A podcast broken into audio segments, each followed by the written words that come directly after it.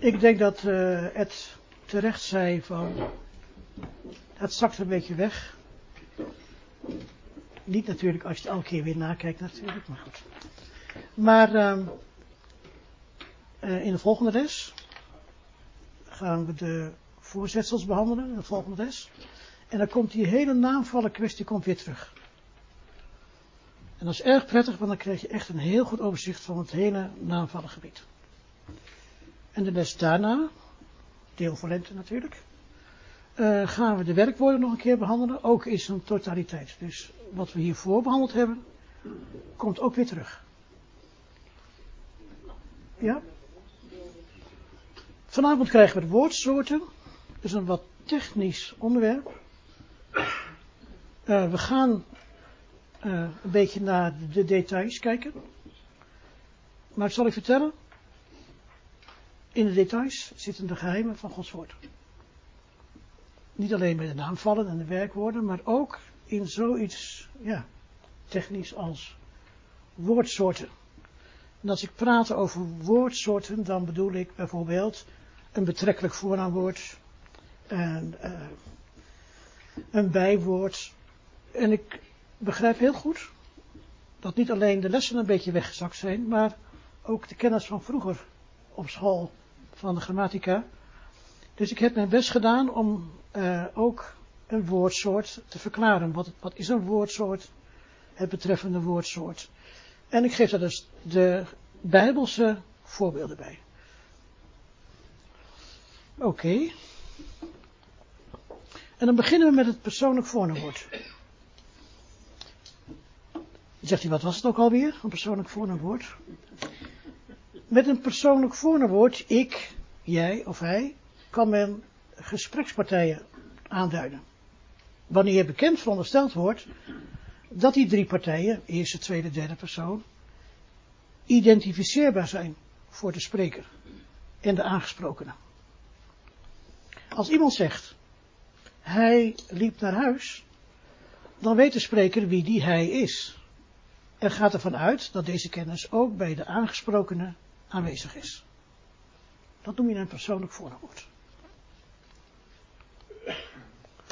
Anders dan in het Nederlands, nu wordt het dus lastig, anders dan in het Nederlands is het in het Grieks niet nodig bij een persoonsvorm een los persoonlijk voornaamwoord als onderwerp te noemen.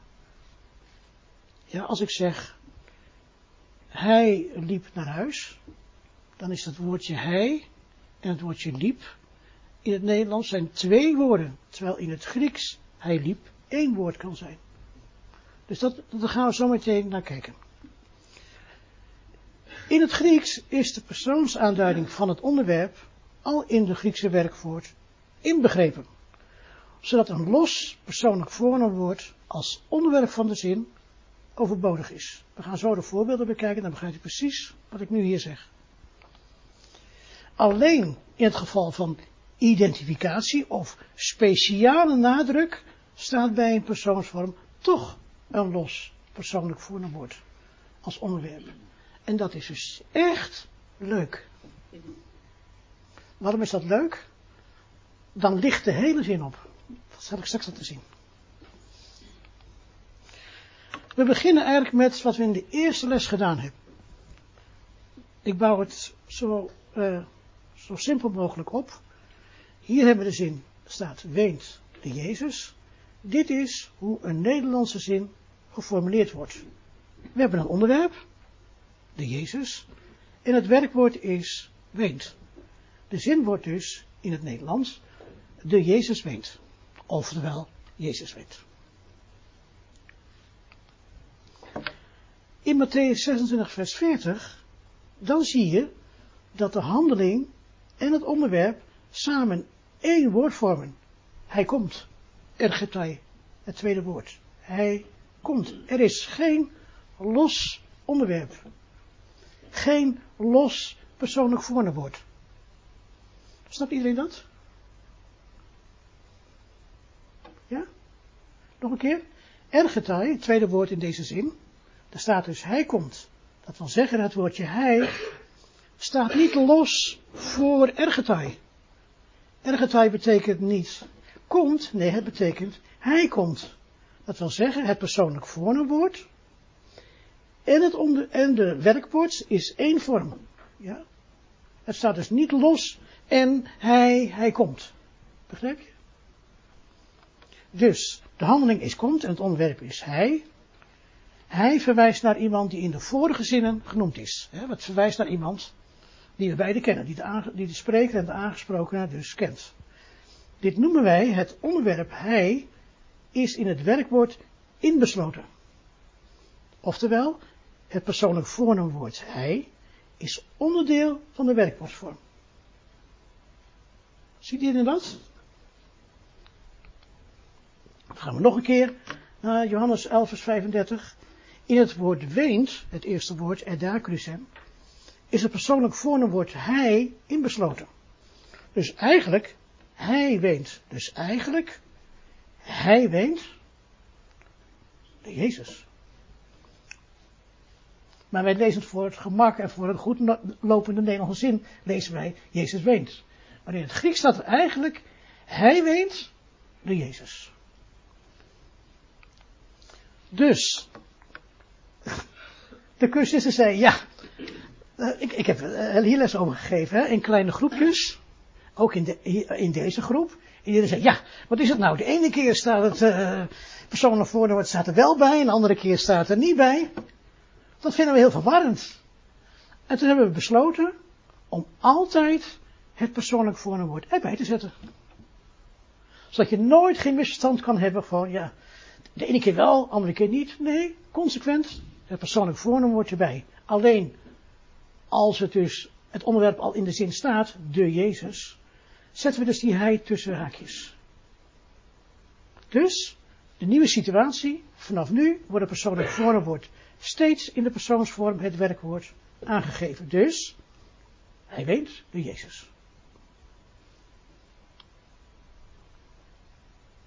Ik zie uh,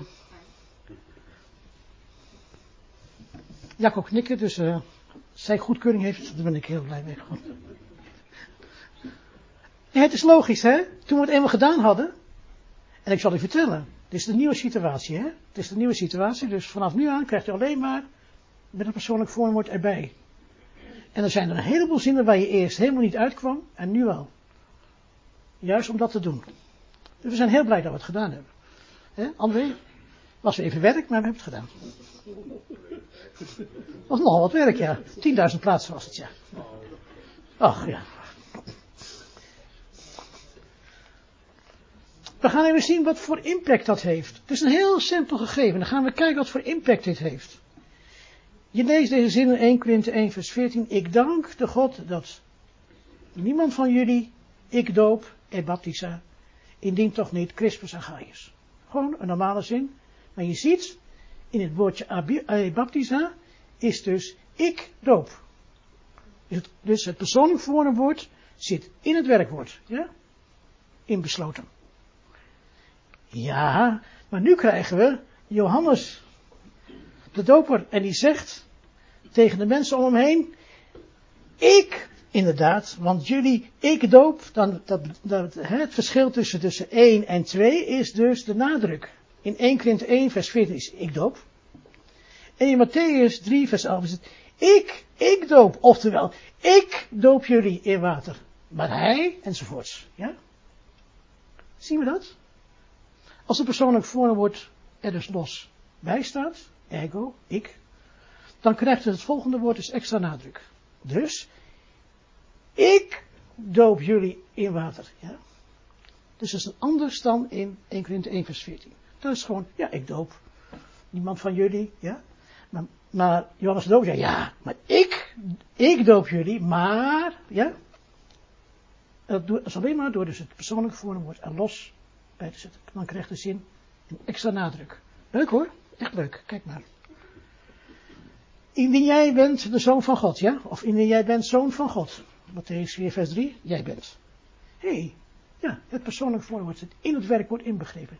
Hij is, jij bent. Maar dan staat er in Matthäus 2 vers 6, en jij, Bethlehem, Jij bent in geen enkel opzicht de minste, ja?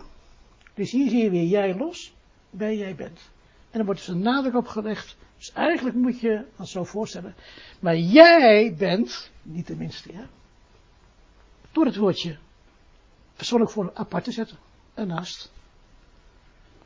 En dat is, uh, dat, als je dan nu passages gaat lezen in, in, uh, in de Bijbel, dan zie je, dat komt in de vertaling niet zo vaak uit, hè? Je zou eigenlijk een, een, een soort accentstreepje moeten zetten op dat jij van. Jij bent niet de minste, ja? Bijvoorbeeld Romein 11 vers 18. Niet jij, jij draagt de wortel niet, maar de wortel jou. Die zegt Paulus dus, maar jij draagt de wortel niet, nee, de wortel draagt jou. En door het dus dat je zo, jij apart te zetten, krijg je enorm de nadruk. Daar moet je op letten, als je dus uh, de schriften leest. Deze bijvoorbeeld, 2 Timotheüs 4 vers 18, dan zegt Paulus, hij zal redden tot in het koninkrijk van hem het ophemelse. Gewoon zo zij betekent hij zal redden.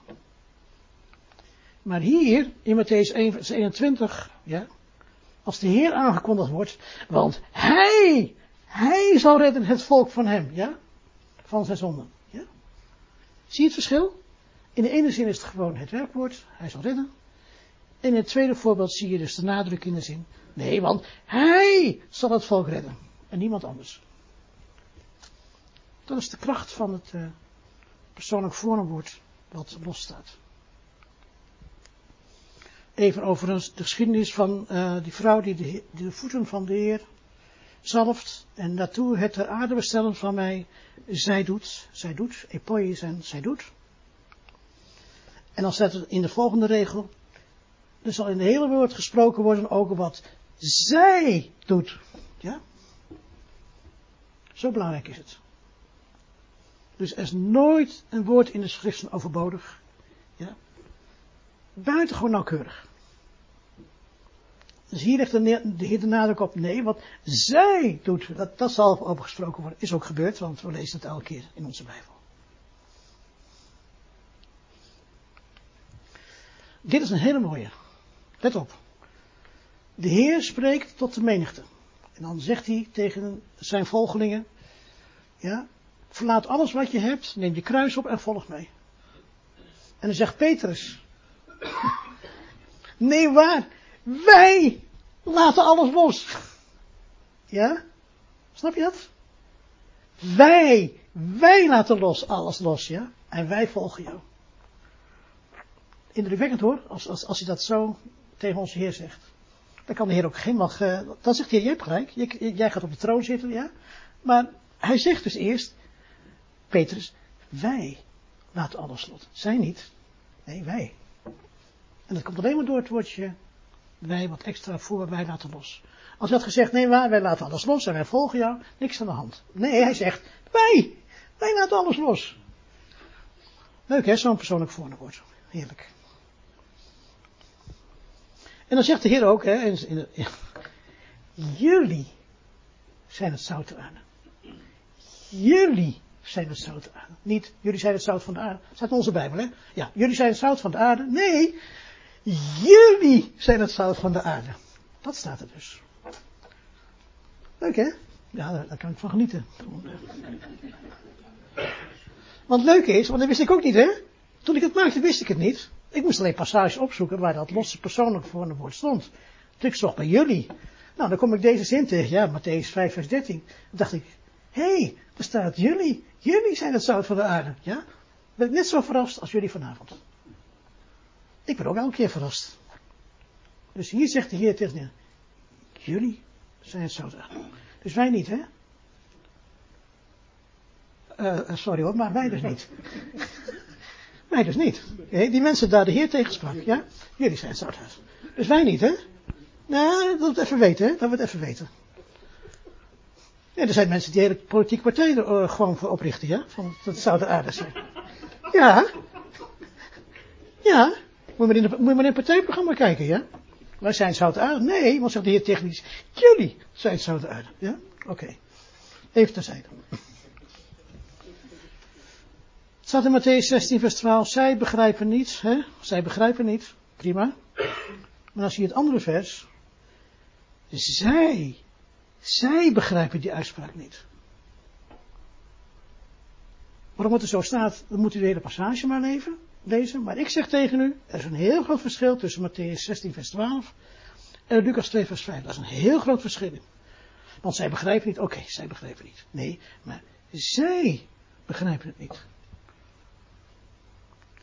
Nooit, hè, ik, ja. Eigenlijk is deze avond, ik ga het toch even zeggen, deze avond is eigenlijk de avond van de kleine dingen. En weet wat de profeet Zacharia zegt?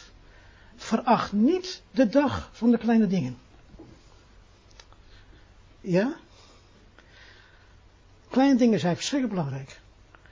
Dit is verschrikkelijk belangrijk, want hier kun je dus een hele uitleg over geven. Ja? Want de eerste zin is anders dan de tweede. Ja, dat zijn allebei zij begrijpen, ja. Maar in de tweede staat, zij begrijpen het niet. Goed. Je kunt het persoonlijk voorwoord ook eh, verbuigen. Dus de eerste persoon is jij. En jij, Bethlehem, hè, land van Juda. Soe is jij. Maar je hebt natuurlijk ook de tweede naamval. De vrouw van jou, Soe. Hè, de vrouw van jou. Wij komen ook wij samen met jou. Die zie je dan de derde naamval staan. Het paarse blokje. Soy is de derde naamval. Wij komen samen met jou. En op de handen zullen zij optillen jou. En dan is dus die uh, jou is dan vierde naamval. En je ziet dus dat het persoonlijk voornaam wordt. Dus ook. Hebben wij in het Nederlands ook. Wij zeggen ook jij en jou. Niet jou met een W, want dat is een bezittelijk voornaamwoord. Maar jou gebruiken wij ook in het Nederlands. Goed. Dat was persoonlijk voornaamwoord. Gaan we naar bezittelijk voornaamwoord. Een bezittelijk voornaamwoord is een bijvoeglijke vorm van het persoonlijk voornaamwoord. Dat aanwijzingen geeft over eigendom en bezit. Daarom heet het ook een bezittelijk voornaamwoord. Bezit. Bijvoorbeeld dat is mijn huis. Mijn is dan een bezittelijk voornaamwoord. Het bezittelijk voornaamwoord kan ook zelfstandig gebruikt worden. Bijvoorbeeld, dat huis is het mijne. En krijgt dan de nadruk. Let goed op, krijgen we zo ook weer voorbeelden van in de schriften. Dat als het zelfstandig gebruikt wordt, krijgt het dus de nadruk. Het bezittelijk voornaamwoord in het Grieks voor de derde persoon, zowel enkelvoud als meervoud, is al voor het begin van onze jaartelling in onbruik geraakt. Dat, dat bedoelde ik eigenlijk. Er is dus geen bezittelijk voornaamwoord voor de derde persoon. Dus het woord zijn, ja, als, in, als in het Nederlands vraagt, dat bestaat dus niet in het uh, Grieks. Dat is alleen van hem. Er is geen bezittelijk voornaamwoord in het Grieks voor de derde persoon. Waarom? Weet niemand mysterie. Gaan we even kijken naar de voorbeelden. Hier staat dus Matthäus 2 vers 6. Hij zal hoeden het volk van mij, het Israël. En dan staat er hier, daar lees even een goede volgorde, anders lastig. Daar zal zijn ook de bediende, de mijne. Mijn bediende. Dus in Johannes 12, vers 26 zegt de Heer met nadruk dat mijn bediende zal daar ook zijn. Dus in Matthäus 2, vers 6 ligt de nadruk op volk. Hij zal, hoed, hij zal hoeden het volk van mij, mijn volk, volk van mij, daar ligt de nadruk op het woordje volk. Maar in uh, de tweede zin, Johannes 12, 26, daar ligt de nadruk op het woordje mijn. De zegt niet, daar zal mijn bediende zijn. Nee, daar zal mijn bediende zijn. Matthäus 21, toch niet zodat jij bevreesd zal worden mee te nemen, Maria, de vrouw van jou, En dan het prachtige vers uit Johannes 17, vers 7, dat de Heer zegt tegen de Vader, het woord, het jou, hij is waarheid. Dat wil zeggen, jouw woord is de waarheid. Hij zegt niet, jouw woord is de waarheid. Dan gaat dicht naar op woord. Jouw woord is de waarheid. Nee, jouw woord is de waarheid. En waarom? Omdat het woordje jou zelfstandig gebruikt is. Bijvoorbeeld in Matthäus 1 vers 20, het eerste voorbeeld is dus de vrouw van jou, ligt de nadruk op vrouw. Welke vrouw? Ja, de vrouw van jou. Maar in Johannes 17, vers 17 ligt de nadruk op het woordje jou. Dus jouw woord is de waarheid. Johannes 2 vers 2. En hij is beschutting aangaande de zonden van ons. Hier ligt de nadruk op het woord zonden. En dan in Handelingen 2 vers 11. Wij horen hen spreken in onze talen. Daar hoor je de verbazing van de mensen. Ja? Je hoort de verbazing van de mensen die dat ze onze talen spreken. Nee, dat ze onze talen spreken. Dat is de verbazing. Ja, vind het gek. Waar ze allemaal vandaan kwamen, spraken ze allemaal die talen. Ja, je hoorde al die talen door elkaar heen, ja. En dan spreken de omstanders uit. Onze talensprekers. Dat is anders dan 1 Johannes 2 vers 2. Dan uh, dat het loon van jullie is veel in de hemelen. Helemaal mooi. Maar handelingen 27 vers 34. Dan zegt Paulus, want naartoe de redding van jullie is het. Ja? Dan legt hij niet de nadruk op zijn eigen redding, maar op de redding van jullie. Dat is die, die scheepstoestand uh, in de Middellandse Zee. Dan zegt hij toch, jullie redding. Ja, mooi. Mooi dingen voor de mens. Oké. Dan laat ik zien dat de derde persoon, dat staat in Romein 1 vers 2, dat hij tevoren belooft door de profeten van hem in heilige geschriften. Nu zou je denken, als je een vertaling leest, dan heb ik het er ook onder gezet, 1 Corinthië 10 vers 24, dan lees je in het MBG, niemand zoeken het zijne. Maar wat is anders? Hé, hey, toch het zijne. Toch het zijne, hè? Maar zijne bestond niet. Toch het zijne. Nee, want er staat in de tekst, niemand laat hem zoeken van zichzelf. Is niet het zijne, maar van zichzelf. Dus dat helemaal niet een vorm van het persoonlijk voornaamwoord. Zittelijk voornaamwoord bedoel ik. Begrijpt iedereen dat? Ga ik te snel. Ik ga het nog even, even overzeggen. Ik ga mezelf even corrigeren. Het bezittelijk voornaamwoord van de derde persoon bestaat niet in het Grieks. Dus zij kennen niet het, bezittelijk voornaamwoord zijn, alleen maar van hem. Je kunt het net wel vertalen zijn, tuurlijk. Maar het staat er niet. Want zijn is een bezittelijk voornaamwoord. Van hem, hem is een persoonlijk voornaamwoord. Dus, het, het, het, dus de profeten van hem, u ziet bij auto, u ziet u staan bij van hem, ziet u staan VP, dat betekent een persoonlijk voornaamwoord. Dus er staat dus niet zijn profeten. In het Grieks. In het Nederlands wel, in het Grieks niet. Want het is geen bezittelijk voornaamwoord. Want het heeft het Grieks niet in de derde persoon.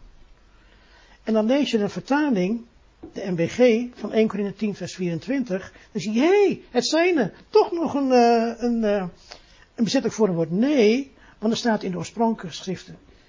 Dus van zichzelf. En niet het zijne. Dat is even zo, dat je dus ook niet moet laten misleiden door een vertaling. Mooi. En we twee woorden gehad. Persoonlijk voornaamwoord en het bezittelijk voornaamwoord. We krijgen nu het wederkerend voornaamwoord, dat is niet zo moeilijk. Om een persoon individueel te benadrukken of te onderscheiden van anderen, kan het persoonlijk voornaamwoord gecombineerd worden met het woordje zelf. Dus, niet ik, hè, gelijk weer een mooie, niet ik kan ik doen vanaf mijzelf niets. We kijken ook naar het woordje mijzelf. De eerste persoon, wederkerend voornaamwoord. Maar er staat ook nog even, ik kan hè, niet, ik kan doen van mijzelf iets. Even een bonusje hè, in deze zin. Die hebben nog, nog een keer ik. Ja? Mooi hè? Zie je hoe bescheiden de Heer is? Hij zegt niet, ik kan niks doen van mijzelf. Dat leest wel het, hè? De Heer zegt, ik kan niks doen van mijzelf. Dan zeggen we, amen. Nee, de Heer zegt, ik. Ik kan niks doen. Ja? Door de nadruk door het woordje ego. Wat jij zegt aangaande jezelf. Jezelf is dus voor de tweede persoon het wederkerend woord. Indien iemand hij wil achter mij komen, laat hem verloochenen zichzelf. Derde persoon. Dan staat er dus van die vrouw die spendeerde allerlei dingen bij zichzelf. Dan zie je dus bij ook weer omkrans het woordje zichzelf en daarboven ook zichzelf. En de ene plaats staat heoton en de andere staat heothees. Waarom heb ik dat gedaan? Omdat het bovenste voorbeeld is een mannelijk voorbeeld en het onderste voorbeeld is een vrouwelijk voorbeeld. De Grieks is altijd heel erg duidelijk, je hoeft het nooit af te vragen wat het is, maar er wordt altijd onderscheid gemaakt tussen mannelijk en vrouwelijk. Onszelf, Preotus, jullie zelf, je thuis, zichzelf, Heotus, en dan staat weer mannelijk. Ik heb helaas niet wat er vooraf gaat. Het gaat over de fariseeën. Zei dit er naartoe, zichzelf, Heotus, mannelijk. En dan krijg je dus de vrouwen. En zij zeiden naartoe zichzelf, wie zal afwentelen voor ons de steen? En dan zie je dus Heotus, en je ziet dus Heotas. En de ene is dus een mannelijk woord en de andere is vrouwelijk woord. Nooit geen misverstanden in het Grieks, heerlijk. In Nederlands wel, zichzelf, zichzelf, ja. Maar het ene voorbeeld is dus mannelijk en het andere voorbeeld is dus vrouwelijk. In het Grieks. Oké. Aanwijzend voornaamwoord. Nou, schiet op. Het aanwijzend voornaamwoord wordt gebruikt wanneer er verwarring zou kunnen ontstaan over de plaats van de bedoelde persoon of zaak. Bij de plaatsbepaling wordt dichtbij aangeduid, deze, dit, en verder weg, die, dat. Ik heb een heel lang, of heel lang, ja, zeven jaar heb ik les gegeven aan uh, inburgeraars en die vonden dat vreselijk moeilijk. En waarom? Nou, want de woorden hebben dus deze en die, en het woorden hebben dit en dat.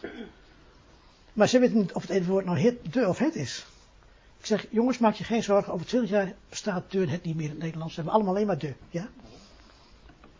Zo'n grote invloed, gewoon. Iedereen dus kan niet meer goed spreken, ja. Dus dan je alleen maar de. De huis. Ja. ja. Maar goed, even, even, deze kleine uitweiding over het Nederlands. Maar uh, ik zal zo laten zien wat het, wat het met de intinier te maken heeft. Want het heeft te maken met de intinier. Nou, niet het zal losgelaten worden aan hem, nog in deze, de aion, nog in de op het punt staande. het gaat over deze aion. Dus, die dus dichtbij is, hè. Deze aion. En dan staat er in Matthäus 3 van 9 dat de God kan vanuit deze stenen, eh, die worden bij wijze van aangewezen, vlakbij deze stenen, ja. Wanneer ook maar dat ze zullen vervolgen jullie in deze stad, hè, deze stad.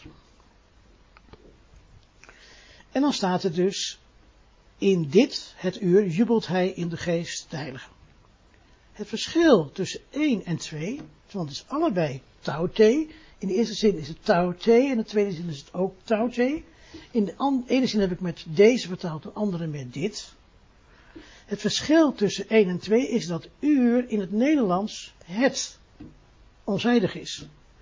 Dus moet in de vertaling van Lucas 10 vers 21 niet deze het uur staan, maar dit het uur. Een aanpassing aan het Nederlands. Dus dat is een handreiking aan de lezer. want ik heb nou deze stad, want het is de stad, maar het uur. Dus ik moest wel zetten dit uur, ja, om het dus in het Nederlands aan te geven dat het bij elkaar hoort. Zie je dat? Het is dus geen fout, maar het is een, handreiking. Ja? Groot verschil hoor, fouten van handreiking. Je kunt ook iets aanwijzen wat veraf is.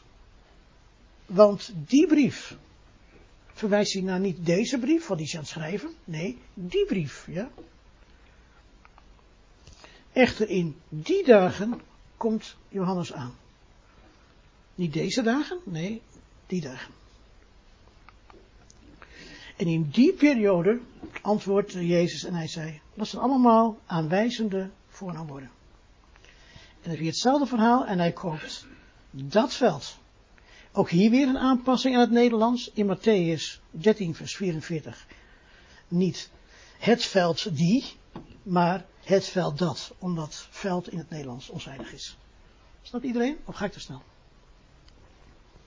Ja, want het is die periode. En ik zeg dat veld, dat is hetzelfde woord, alleen, ja, je moet het aanpassen aan het, Nederlands taalgebruik. Anders raak je het verband van de zin kwijt. Aanwijzend voornaamwoord, En dan ook het meervoud, hè, wil ik even laten zien.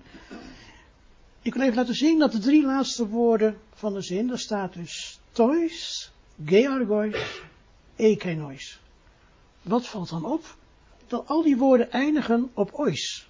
Tois, georgois, ekenois. En dat betekent dat elke keer derde, derde naamval is, derde naamval is, meervoud van een mannelijk woord.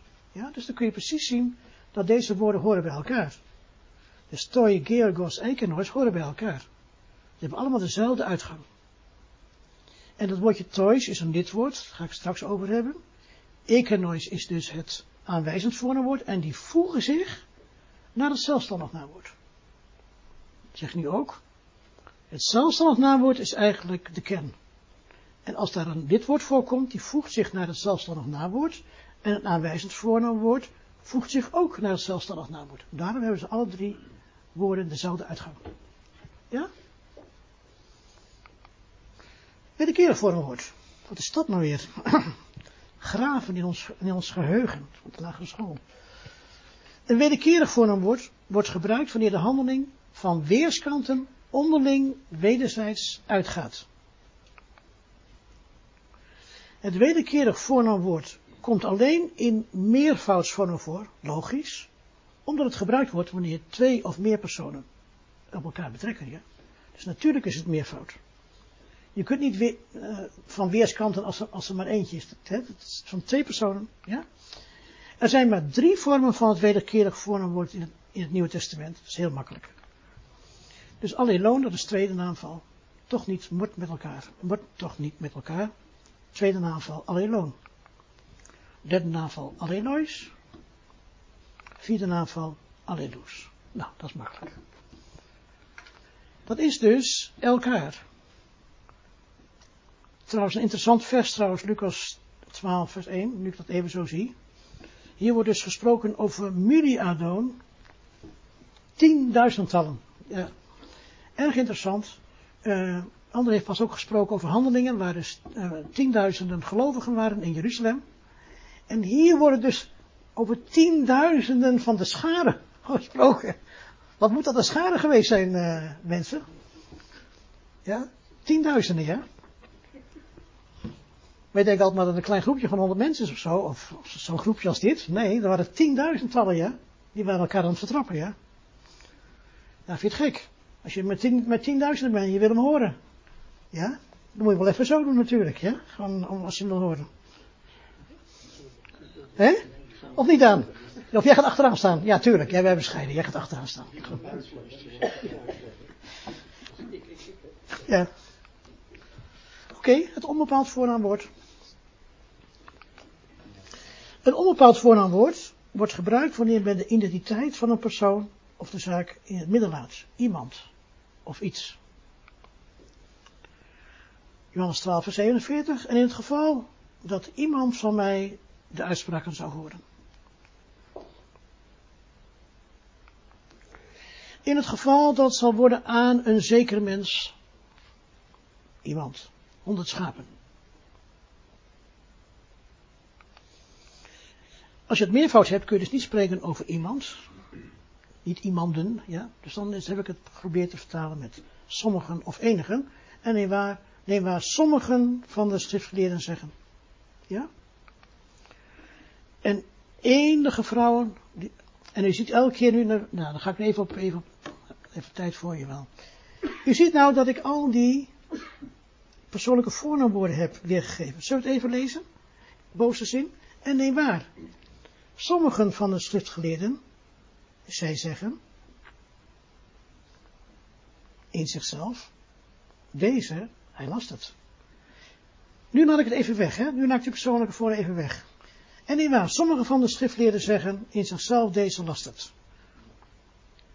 Erg fijn dat die persoonlijke voornamen erbij staan. Dan denk je, oh ja, en nee waar, sommigen van de schriftgeleerden, zij zeggen, wie? Ja, sommige van de schriftgeleerden, in zichzelf, deze, hij last het.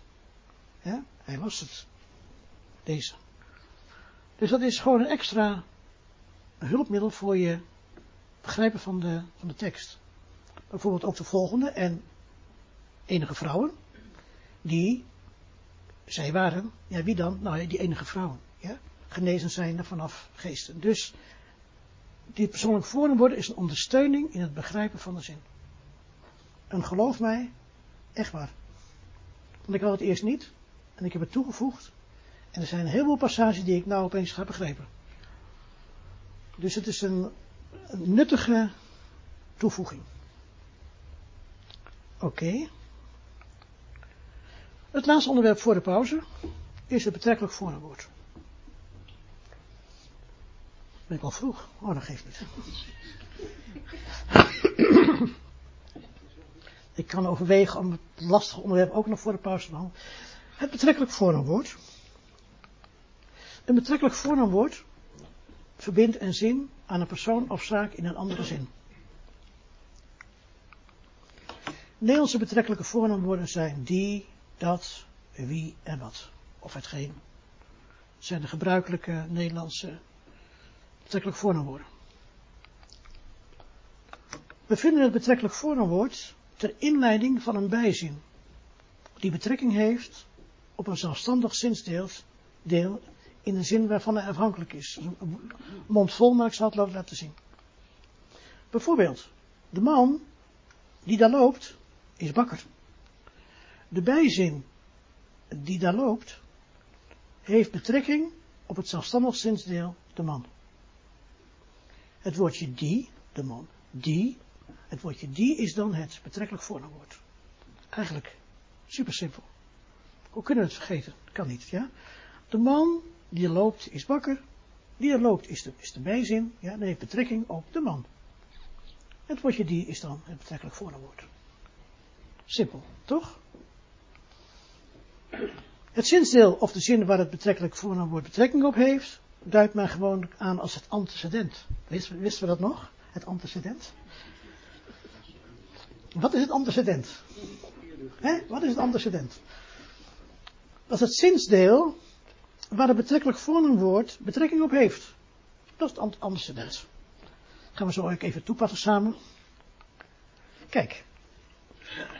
Romein 1, vers 1, vers 2. Ik heb het woordje dat, heb ik omkranst. Ja? Dat hij tevoren beloofd. Goed kijken, hè? er staat dus, VR, dat betekent betrekkelijk voornaamwoord. Ik kan er ook niks aan doen. V is voornaamwoord en R is relationeel, geloof ik, hè, André? Wat is het? Nou, de B hebben we al gebruikt. Oké, okay, dat hebben we al gebruikt. Dus het is dus, een, maar het woordje ho is dus een betrekkelijk voornaamwoord.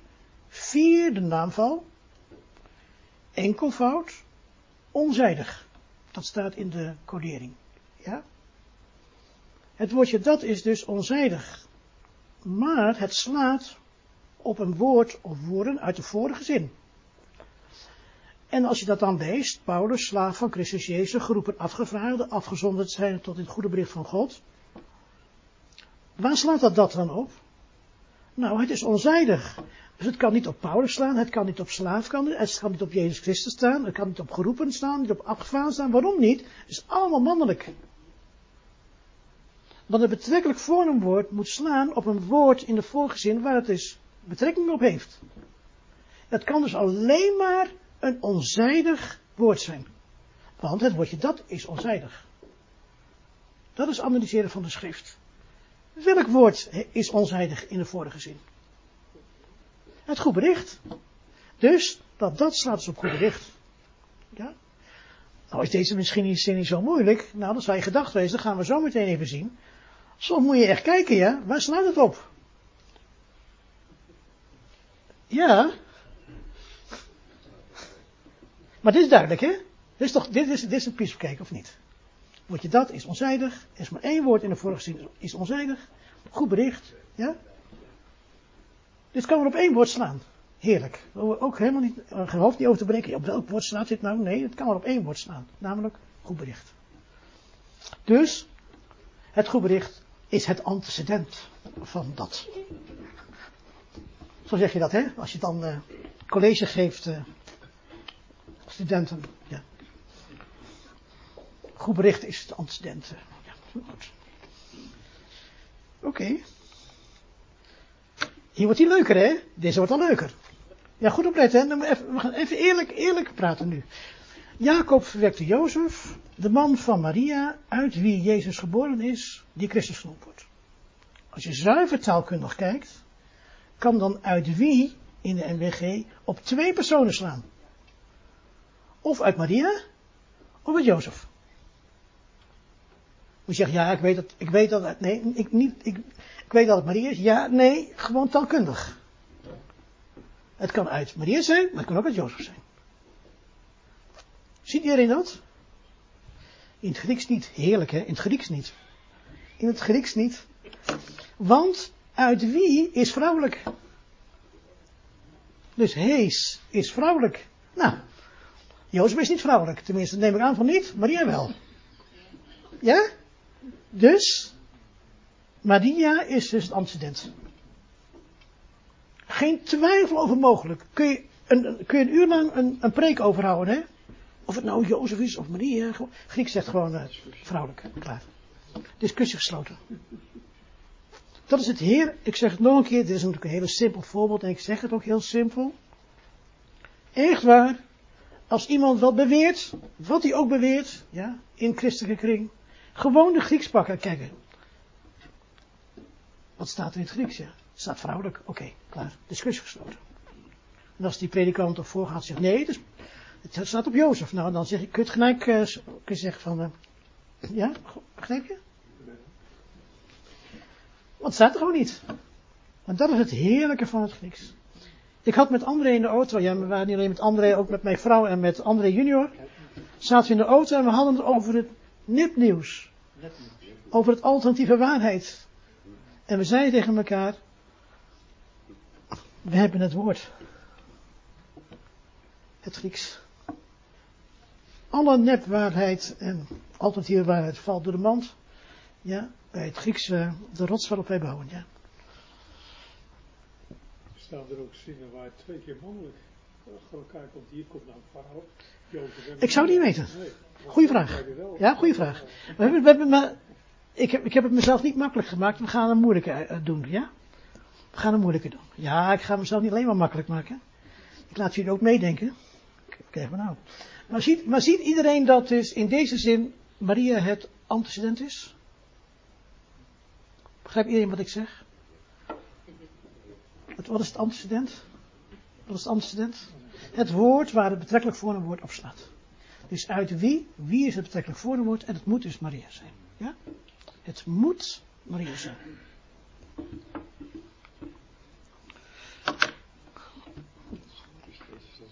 Ja. En neemt de helm des, helm hels aan. Dat is een lastig hoor, ik maak een trickje voor mezelf. Dan kan ik straks even vluchten in de pauze. En neemt de helm des heils aan. En het zwaard des geestes, dat is het woord van God. Dan vraag ik dus, wat is het woord van God?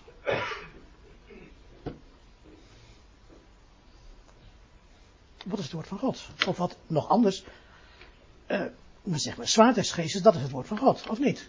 Zwaard des geestes is het woord van God, ja? Of niet? Ja, zwaard des geestes woord van God, hè? Nou, dan gaan we naar het Griek kijken, want daar komt het natuurlijk op aan. Het komt niet aan wat NBG geschreven heeft, maar er komt aan wat er dus in het Griek staat. Nou, wordt lastig hoor. Daarom staat een heleboel commentaar onder en ik lees het commentaar even voor. Ontvangt, hè, want het ontvangt staat eigenlijk op het helm van het redden en ook op het zwaard van de geest. Ontvangt dus het zwaard. Maar het zwaard is in het Grieks vrouwelijk.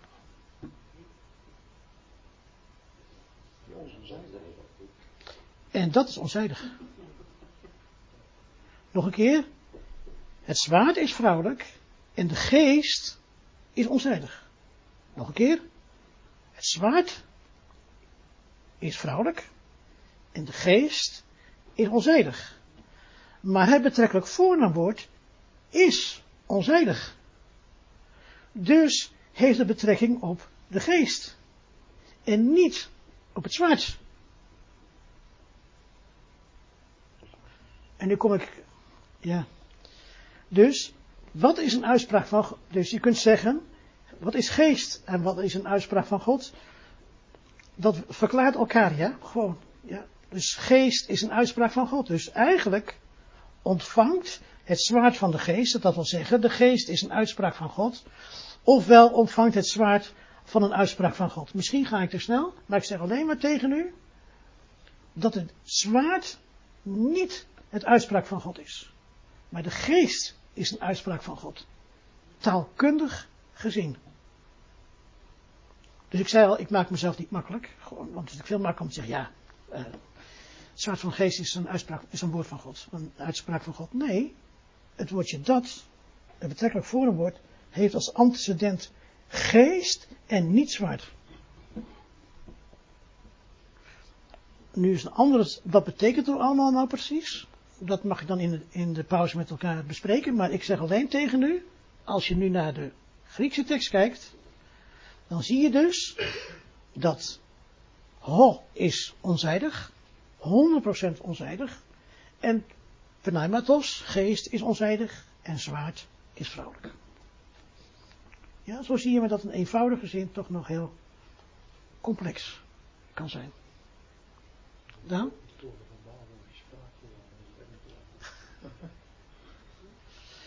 En dan zeggen mensen nee, want eigenlijk, hè, als we zeggen dat dat is, hè, maar dat is een andere uitdrukking, dat is toetesting. Dat is een, uh, dit is, ja, dat staat er dus niet. Dat wil ik ook nog, ja, is goed dat ik het even zeg. Sommige mensen zeggen ja, dit is de zwaard van de geest, hè, dat is, dat is in het Grieks toetesting. Er wordt er iets uitgelegd, dit is, ja. Maar er staat niet dat is, het staat eigenlijk hetgeen is. Ja? Nog een keer. Als ik zeg, zwaard van de geest, dat is het woord van God, is een andere Griekse constructie. Want toet estien, dan leg je iets uit. Dat wil zeggen, ja, dat staat, staat dus niet, het zwaard des geest, dat wil zeggen, het woord van God, dat staat er dus niet. Dus dat is, dat betekent niet, dat wil zeggen, dat is betekent dat is, slaat op het voorgaande woord. Een betrekkelijk voornaamwoord. Begrijpen we dit? Een betrekkelijk voornaamwoord heeft een antecedent. En dat is in dit geval niet zwaard, maar geest. Goed. Dat is voor gevorderden, maar ik, wil, ik wou het toch even noemen, ja? Zeg maar. Suggereer je nou in die bovenste zin dat het ook een betrekking kan hebben op de helmdezeil? Nee, dat, moet je, dat, dat is ontvangt, hè? Ja, ja, dat staat in de voorgaande zin. Dat zijn de voorgaande zinnen, het zijn, zijn twee zinnen. Die door een voegwoord kai uh, verbonden worden. We krijgen het ook nog over de voegwoorden. Maar, hè, dus, er worden dus twee dingen genoemd, dat je het helm van de helm ontvangt en Paulus pakt gelijk, ontvangt gelijk bij de zwaard, zwaard van de geest. Ja. Maar, hoeft hij maar één keer dat werkwoord te gebruiken, maar ik wil alleen maar laten zien dat het woordje dat is, dat het geen uitleg is van dat is, dat wil zeggen, maar gewoon hetgeen is, uitspraak van God. En dat staat op geest en niet op zwart. Wat zeg je? Hè? Dan zou je dat, dat beter door die kunnen vertalen. Ja, of, of hetgeen, hetgeen, hetgeen is, ja, hetgeen is, ja. Ja, maar hetgeen Ja, ja maar wie, ja, maar, maar geest is onzijdig, hè, in het Nederlands. Tenminste, het, hè? Nee, nee, nee, sorry, nee, nee, ik zeg het verkeerd. Rijtje, maar, eh, eh, nee, ik, ik zeg in het Grieks, in het Grieks is het onzijdig, ja. Maar als je in het Nederlands zou moeten vertalen, ja, dan heb je gelijk. Dan zou het moeten zijn. Die, die, of die is, ja, die is, of wie is, ja. Kan iedereen rechts volgen, of niet? Het is, toch voor, is toch voor de pauze, het is toch voor de pauze, dus we gaan zo straks verder. We kunnen nog heel even over deze, dit plaatje, want dit is een goed voorbeeld. Dit is een goed voorbeeld. Dat als je dit goed begrijpt, kun je dus heel veel uitleggingen gewoon aan de kant schuiven. Begrijp je? Want de geest is een uitspraak van God, of uitspraak van God is geest, ja? Dat is eigenlijk wat er staat. En dat heeft André al heel vaak tegen mij gezegd, en dan dacht ik, zou dat waar zijn, zou dat waar zijn, ja? En hier zie je het gewoon, ja? Maar elders staat toch ook dat het woord een, een, een, een pc is en een scherp zwaard. Ja. Hetzelfde. Dat staat in het Hebreeën. Nee, het is- nee, het is scherper dan één zijde Het is geen tweezijdig zwaard, het is scherper.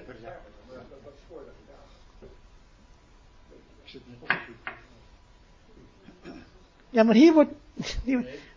Hier gaat over een betrekkelijk voornaamwoord, hè, waar we net over gehad hebben, die een antecedent heeft.